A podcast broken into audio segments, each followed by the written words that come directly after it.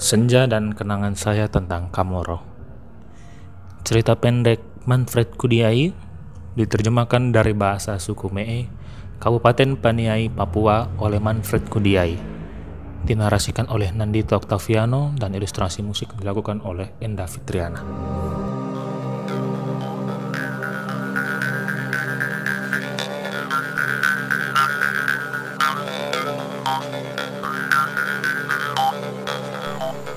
Hari mulai sore. Senja telah menyelimuti Mimika, dan jangkrik pun mengerik. Waktu telah menunjuk pukul lima sore, dan saya di sini masih duduk merenung kisah-kisah yang telah berlalu. Memandang samudra Arafura yang membentang luas. Dia mematung di tengah pasir pantai nan putih dan asri. Angin berhembus sekian kencang dan sebentar lagi gelap menguasai bumi Amungsa. Tidak ada aliran listrik yang menerangi bibir-bibir pantai. Matahari berangkat ke peraduannya. Sinar-sinarnya memancar begitu indah. Kulihat di sana para pemburu senja datang, berbondong-bondong memotret cakrawala. Sisa-sisa cahaya itu menyapa sebentar saja memberikan tatapan memukau sebelum akhirnya kegelapan menguasai jagat raya. Indah senja dan gelapnya malam adalah dua sisi yang tak bisa dipisahkan. Rasanya seperti keadaan yang menceritakan realita negeri kini. Gelap menguasai tepian pantai ini, sementara di bagian gunung berkilau. Sebab di sana tempat pengolahan emas tersor dunia ada. Keadaan seperti itu masih sama hingga kini. Padahal saya baru saja kembali setelah tujuh tahun merantau di negeri orang. Sekarang, saya duduk di dahan pohon bakau yang kering, menatap ke arah lautan bebas dan berimajinasi. Saya mulai membongkar kenangan-kenangan semasa remaja dulu, bersama suku Kamoro. Ah, Sepertinya tak ada bedanya dulu dan sekarang. Bahkan lebih sakit di masa kini. Warga suku bangsa Kamor harus tergeser dari tempat pemburuan mereka. Kemudian, saya berjalan menuju tepian pantai, ingin merasakan dinginnya air laut. Saya juga ingin lebih dekat menikmati gelombang ombak yang makin ganas mengikuti embusan angin.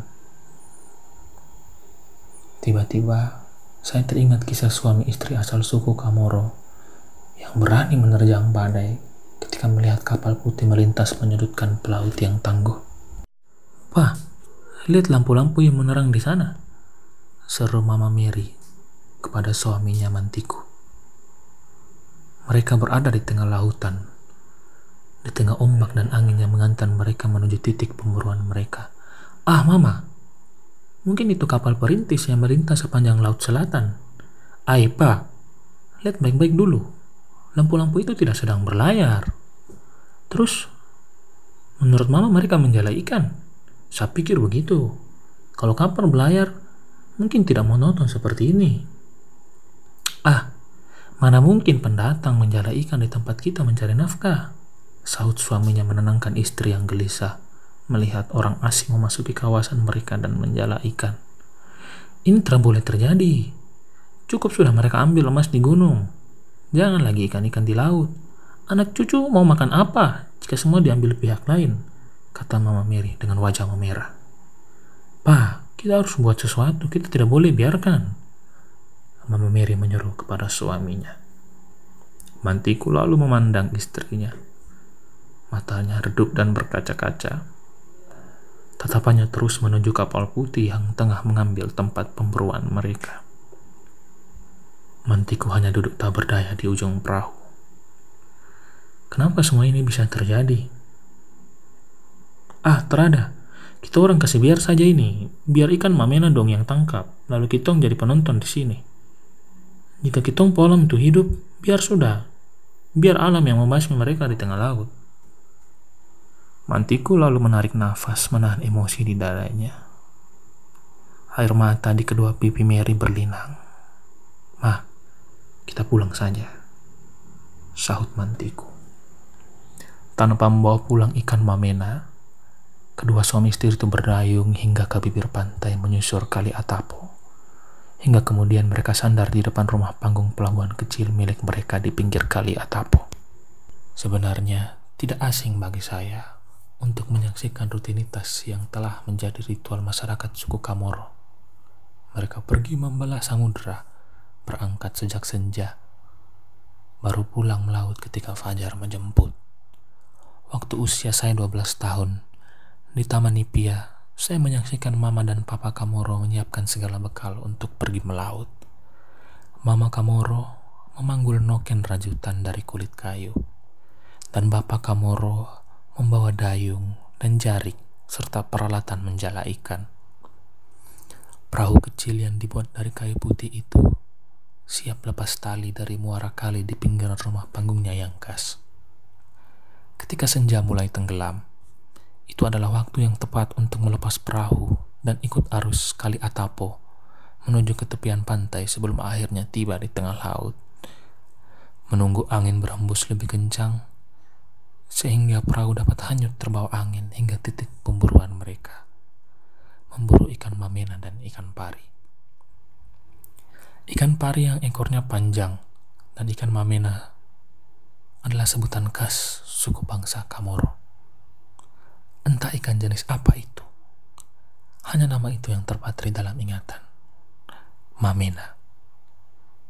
Ikan yang dagingnya diasar atau dijemur hingga kering terlebih dahulu sebelum dimakan dan akan lebih nikmat dimakan dengan sagu bakar atau sagu sinolin, makanan khas suku bangsa Kamoro. Ingatanku yang lain tentang suku bangsa Kamoro yang jago melaut itu terarah pada kemampuan mereka untuk pergi melaut. Mereka mengabaikan cuaca di perairan Arafura yang tidak bersahabat. Mereka bekerja karena mereka tahu harus bekerja. Waktu sudah menjelang malam dan angin sudah semakin ganas. Ingatan lain silih berganti mengisi benak saya tentang Taman Nipia Kokonao, kampung kecil yang seakan terlupakan. Sebagaimana biasanya, siang di kampung ini kerap menawarkan pemandangan khas pesisir. Rumah-rumah panggung kayu berjejer, kosong dan lengang, ditinggal penghuninya pergi melaut.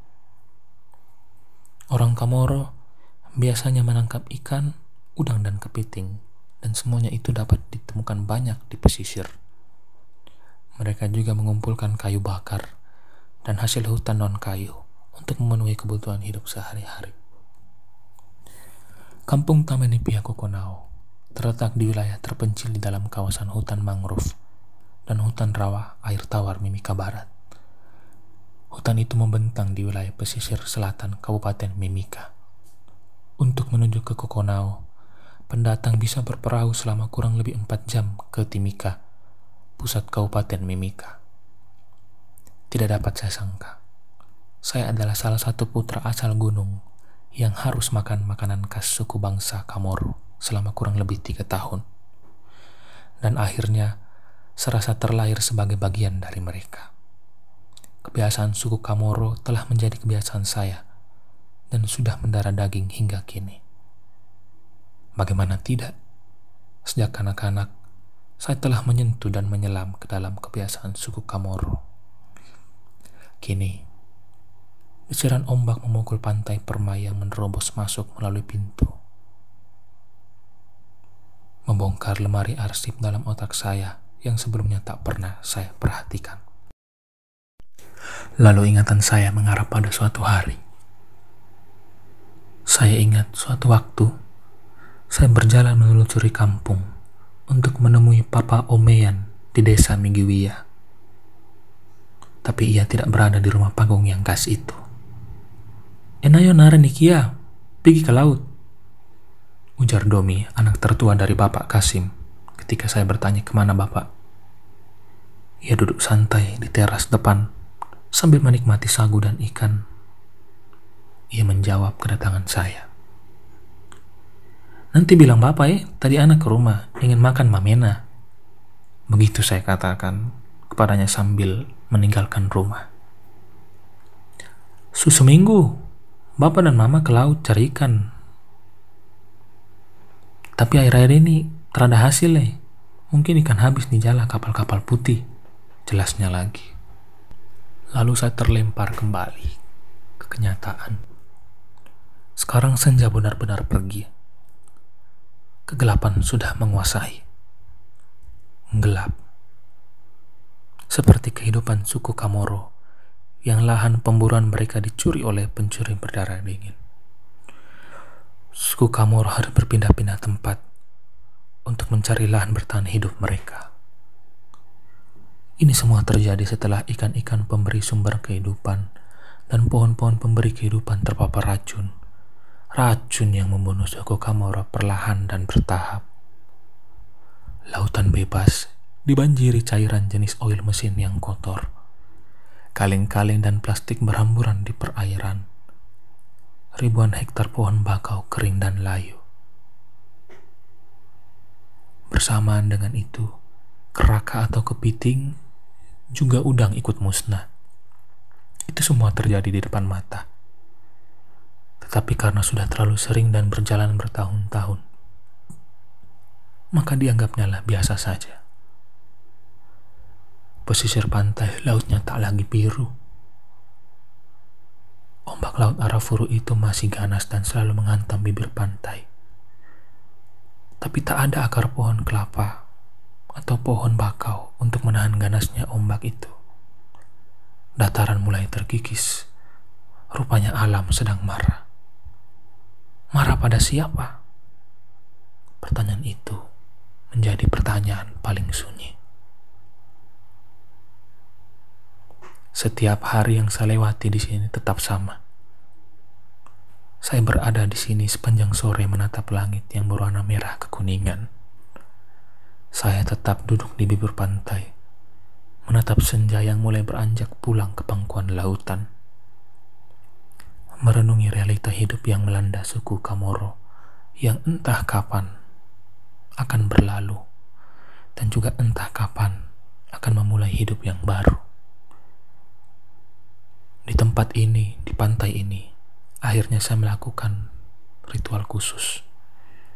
Saya sering menghabiskan senja di sini, menatap langit berwarna jingga, tertawa memandangi burung camar yang berterbangan menghiasi langit yang menua, merasakan terpaan angin sore. Saya akhirnya merana dan ikut melintasi kehidupan dan kalah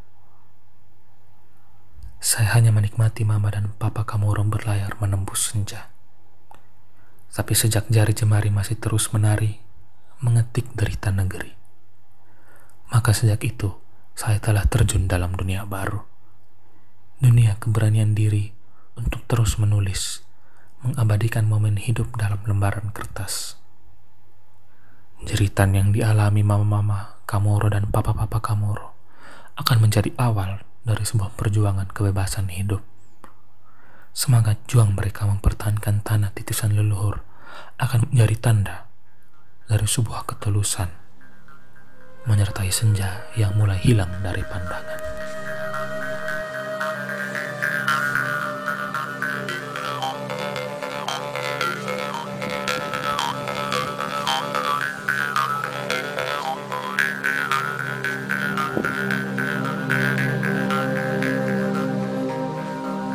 Sastra suara ini dipersembahkan oleh divalitera.org bekerja sama dengan Direktorat Jenderal Kebudayaan Kementerian Pendidikan dan Kebudayaan Republik Indonesia.